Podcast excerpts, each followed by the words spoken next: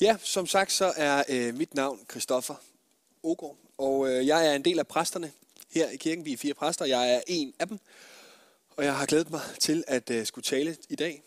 Jeg kan sige, at øh, i dag rammer vi jo den søndag, hvor der er 70 dage til påske.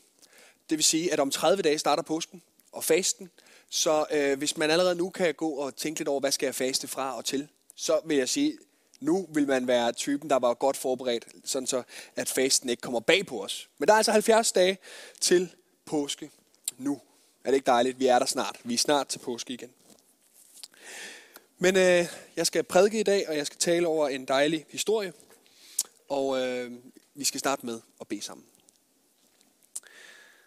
Kære Gud, vi takker dig, fordi at du har os i din hånd. Vi takker dig, Gud, fordi at du elsker os, og du ser os. Vi takker dig, Gud, at vi kan komme til dig, ligesom vi er, med alt, hvad vi er og alt, hvad vi har. Og at du vil lytte på os. At du går med os, hvor end vi er. Det takker vi dig for.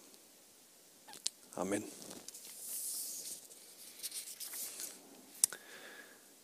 Med himmeriget er det ligesom en vingårds ejer, der skal ned på markedet for at finde arbejder til sin vingård.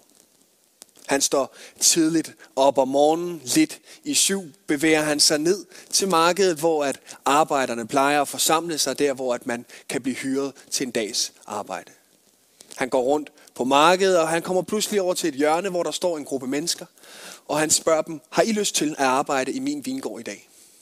Og de er, har jo stillet sig ned for den samme grund, så de takker ja til at arbejde i vingården, og vingårdsejerne og arbejderne bliver enige om, at de skal have en denar for deres arbejde.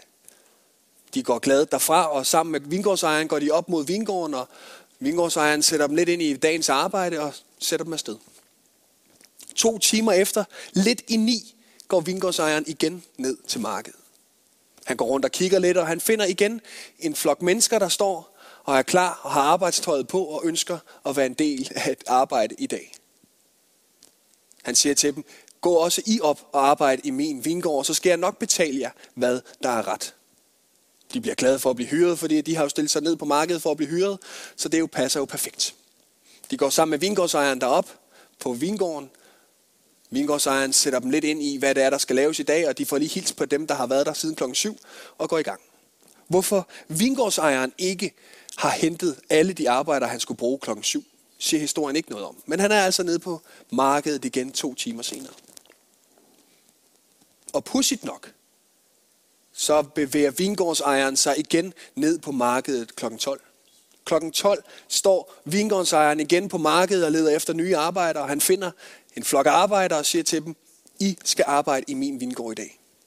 Og så går de med vingårdsejeren op og går i gang med arbejder, arbejde og får hils på de andre arbejdere og aftaler, at vingårdsejeren nok skal betale dem det, de har fortjent. Igen, klokken tre står vingårdsejeren igen dernede, og folk bliver mere og mere forundret over, hvorfor de bliver hyret. Altså dagen er jo ved at være gået snart. Det er jo fair nok at blive hyret klokken 7 og klokken 9, men at blive hyret klokken 3, der er kun tre timers arbejde tilbage. Men han vælger at hyre arbejdere klokken 3, og de er jo glade for at blive hyret, så de går med op i vingården. Og klokken lidt i 5 går vingårdsejeren igen ned på markedet. Nu er der ved at være tømt i boderne, der er folk er ved at have været gået hjem. Men alligevel står der en lille gruppe mennesker i arbejdstøj og håber, at der kommer en og vil hyre dem til deres arbejde. Vingårdsejeren er lidt forundret over, at der er arbejdere her, og han spørger, hvorfor er I her stadigvæk? Og de svarer jo selvfølgelig, Mester, der er ingen, der har hyret os. Jeg hyrer jer. Gå op i min vingård, og så skal jeg nok betale jer, hvad der skal betales. Og her må arbejderne have kigget lidt på hinanden. Er det virkelig rigtigt? Kommer der virkelig en og hyre os en time inden arbejdsdagen er gået? Vi kan jo knap nok nå at tage en hakke frem, før vi skal lægge den igen. Men de er jo glade for at få arbejde. Og er lidt forundret og går nok og visker tisker lidt om, hvad er det her for en vingårdsejer, der hyrer en mand og et arbejdshold en time inden lukketid. De går op på vingården, hilser på dem, der har stået der siden klokken 7 og siger, goddag, ja, vi er her også nu. Og folk må have kigget lidt på hinanden. Ja, men der er jo nok at lave. Og så går de i gang med arbejde. Så er der gået en time. Klokken er blevet 6, og vingårdsejeren slår på gongongen, og arbejderne lægger, hvad de har i hænderne, og begynder at gå op mod vingårdsejeren, fordi nu skal de have deres løn. Vingårdsejeren siger til hans forvalter, du skal give dem det, de har, det vi har aftalt, de skal have, men du skal starte med dem, som kom klokken 5 og kun har arbejdet en time, og så skal du bevæge dig ned igennem dagen og ende med dem, som kom klokken 7. Det gør forvalteren, og forvalteren går over til dem, der kom klokken 5 og har arbejdet en time, og giver dem én denar for deres arbejde. De har fået én denar for deres arbejde. Hvis de var forundret nede på markedet over at blive hyret en time inden lukketid, så tror jeg, at de er endnu mere forundret over at have fået en fuld dags løn for en times arbejde. Det er jo helt utroligt. De havde ikke regnet med at få særlig meget, fordi de har jo ikke arbejdet særlig meget. Hvad kan de tage med hjem til deres familie, og hvordan skulle de klare den dag? Det var måske en dag, hvor man tænker, at det bliver lidt en stram dag. Men de får en hel denar for en times arbejde. Der må have været et stort smil på deres læber. Og jeg tror så, at den, det smil har været større og større og større og bredere og bredere og bredere, jo længere ned ad dagen man kom. For dem klokken 9 og klokken 7 har nok tænkt, den her vingårdsejer, han er vanvittig. Han har givet en times arbejde en denar. Jeg har været her i 9 og 11 timer. Hvad må han giver her? Giver han måske så ikke 11 denar for 11 timers arbejde? Og de, jeg tror, de har stået og fnis lidt og været lidt glade og har set øh, juletræ i øjnene, og der, der har været god stemning. I hvert fald høj forventning. Men forvalteren går hen til dem, som kom klokken 3, og giver også dem en denar hver. Og han går videre. Dem, der kom til middag, de får også en denar hver. Og nu tror jeg, at man begynder at mærke en lille uretfærdighedsfølelse stige op i brystet både hos os, der læser og hører historien, men også særligt for de arbejdere, som har arbejdet der længe. En denar. Får de en denar for deres arbejde, når dem klokken syv også fik, nej, når dem klokken fem også fik en denar. Panikken har måske bredt sig, og det, man har tænkt sig, at man kunne gå hjem og købe for de penge, man vil få, har man måske begyndt at tænke, det er nok ikke i dag, vi køber det. Og forvalteren fortsætter ned til dem klokken 9 og ned til dem til klokken 7, og de får en denar hver.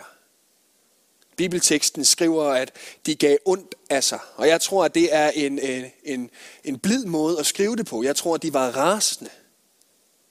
Jeg tror, at der har været råb og skrig, og måske, er det ikke engang, måske har man ikke engang tur at skrive det ned i Bibelen, hvordan de arbejder egentlig havde det med at være så uretfærdigt behandlet. Siger du, at vi, som har arbejdet fra morgen til aften, vi har gået under solens hede, under den stikkende sol og, og arbejdet og løftet og båret og slæbt, hele dagen skal have det samme som de arbejdere der, der kun har været her en time. De har knap nok fået sved på panden. Jeg tror ikke engang, du kan finde sved. Du kan ikke engang finde jord under neglene på dem. Og så vil du give os det samme som dem. En denar til dem og en denar til os. Det er ikke i orden. Det er ikke fair. Og der har været, jeg tror, de har været rasende. Og vingårdsejeren siger til de rasende arbejdere, min ven, gør jeg dig uret? Blev du ikke enig med mig om nede på markedet klokken 7 i morges, at du skulle have en denar for en dags arbejde? Tag, hvad der er dit og smut. Gå med dig. Du har fået det, vi har aftalt. Kan jeg ikke gøre med, hvad der er mit, som jeg vil?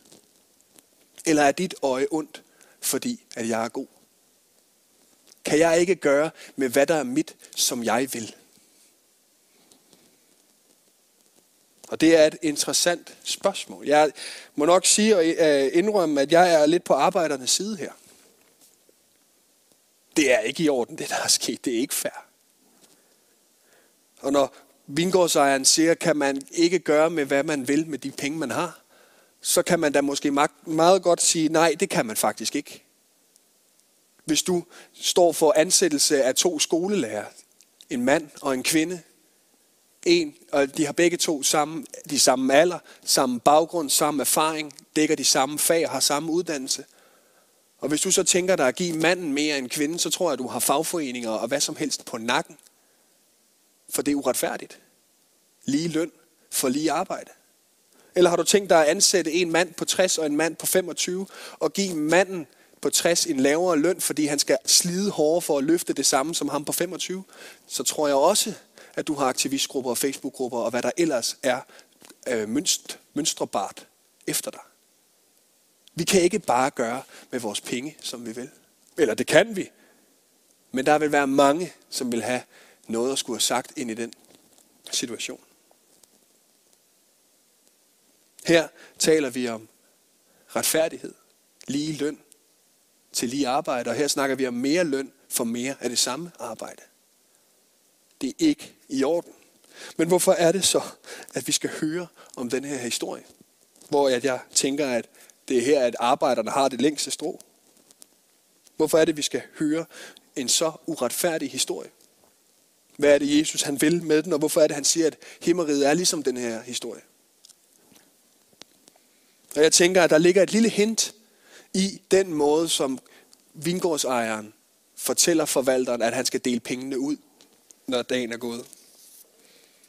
Fordi hvis, hvis vingårdsejeren havde tænkt sig om, så havde han jo givet en denar til dem klokken syv først, fået dem ud af vagten. Så havde han givet en denar til dem klokken 9 og fået dem ud af vagten. Klokken 12, klokken 3, klokken 5, bum, bum, bum. Få dem ud af vagten, så de ikke ser, hvad hinanden får. Så kan man godt lave det her uretfærdige spil. De behøver ikke at vide det. Dem klokken 7 vil ikke vide, hvad de klokken 17 fik. Dem klokken 17 vil være glade, dem klokken 7 vil være glade. Alt vil have gået glat og godt. Men det er jo ikke det, der sker. Han vælger den anden vej rundt, sådan så at dem klokken 7 ser, hvad dem klokken 5 fik.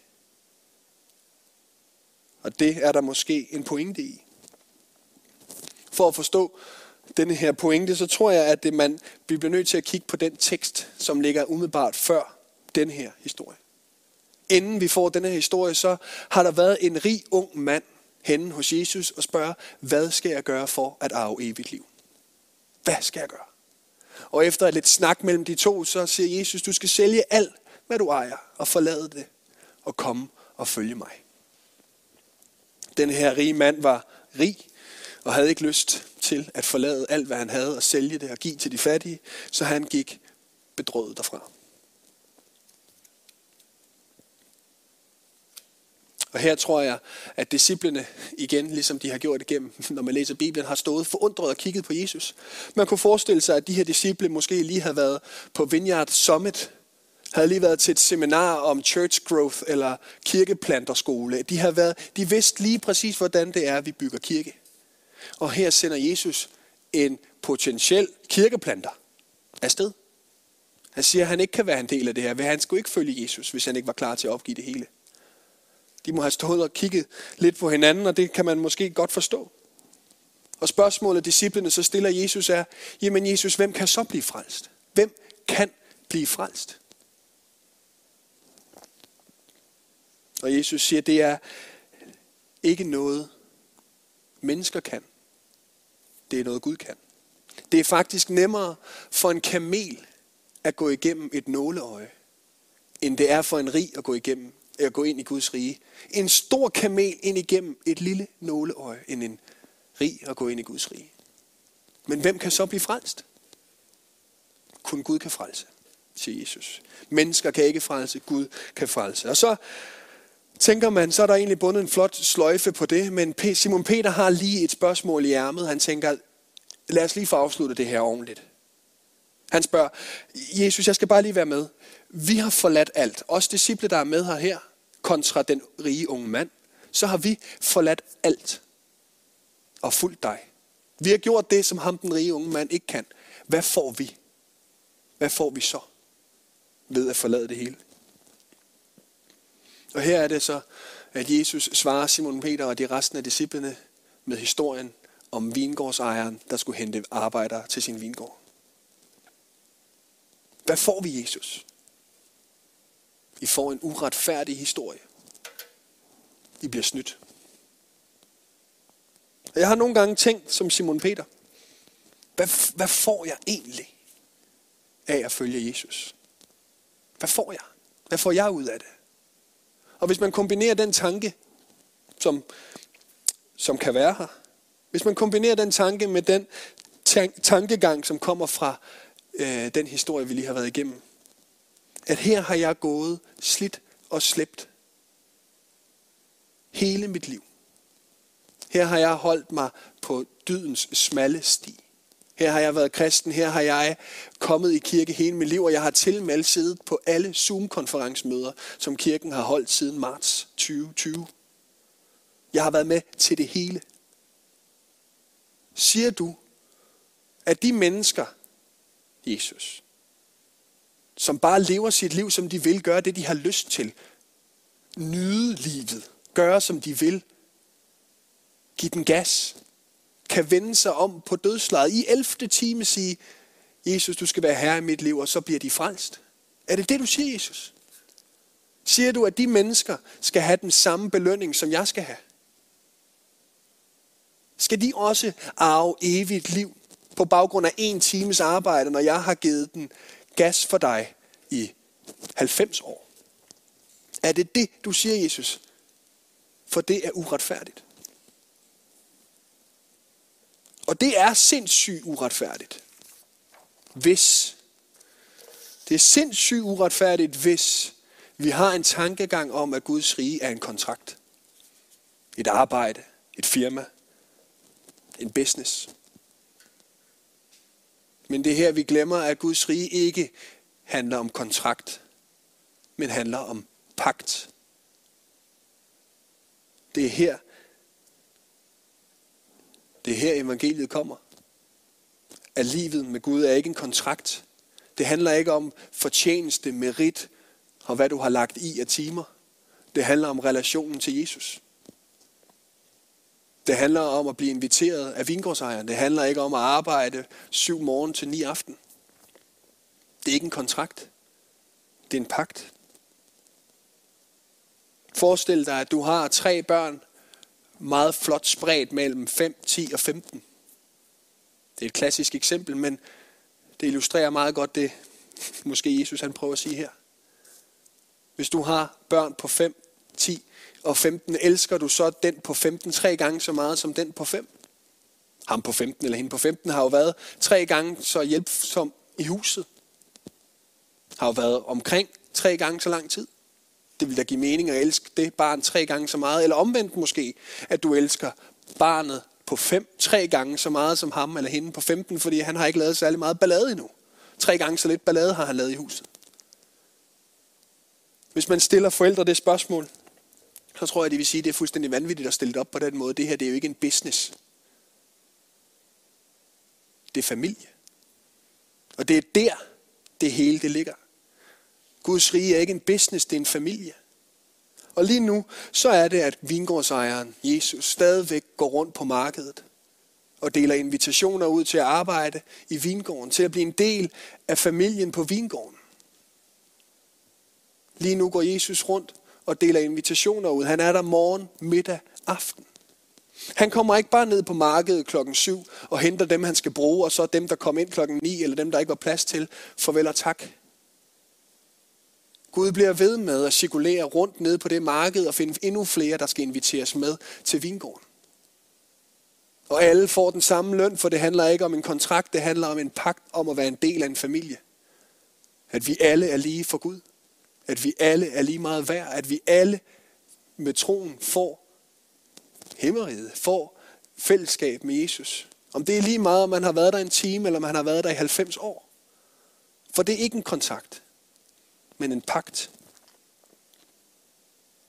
Og det er det, som vi elsker ved Jesus og elsker ved Gud. Det, er, det handler ikke om, hvad vi gør. Det er ikke mennesker, der frelser. Det er Gud, der frelser. Så selvom man er rig eller ikke er rig, så er det sværere for os at gå ind i Guds rige, end det er for en kamel at gå igennem et nåleøje, fordi det handler ikke om, hvad vi kan gøre. Det handler om Gud. Det handler om hans pagt hans familie, hans invitation. For at få, fordi når man får den invitation, som vingårdsejeren deler ud, så er det jo at blive inviteret hjem. Væk fra daglejerskabet nede på gården, nej, nede på markedet, og op på gården og en del af arbejdet derop.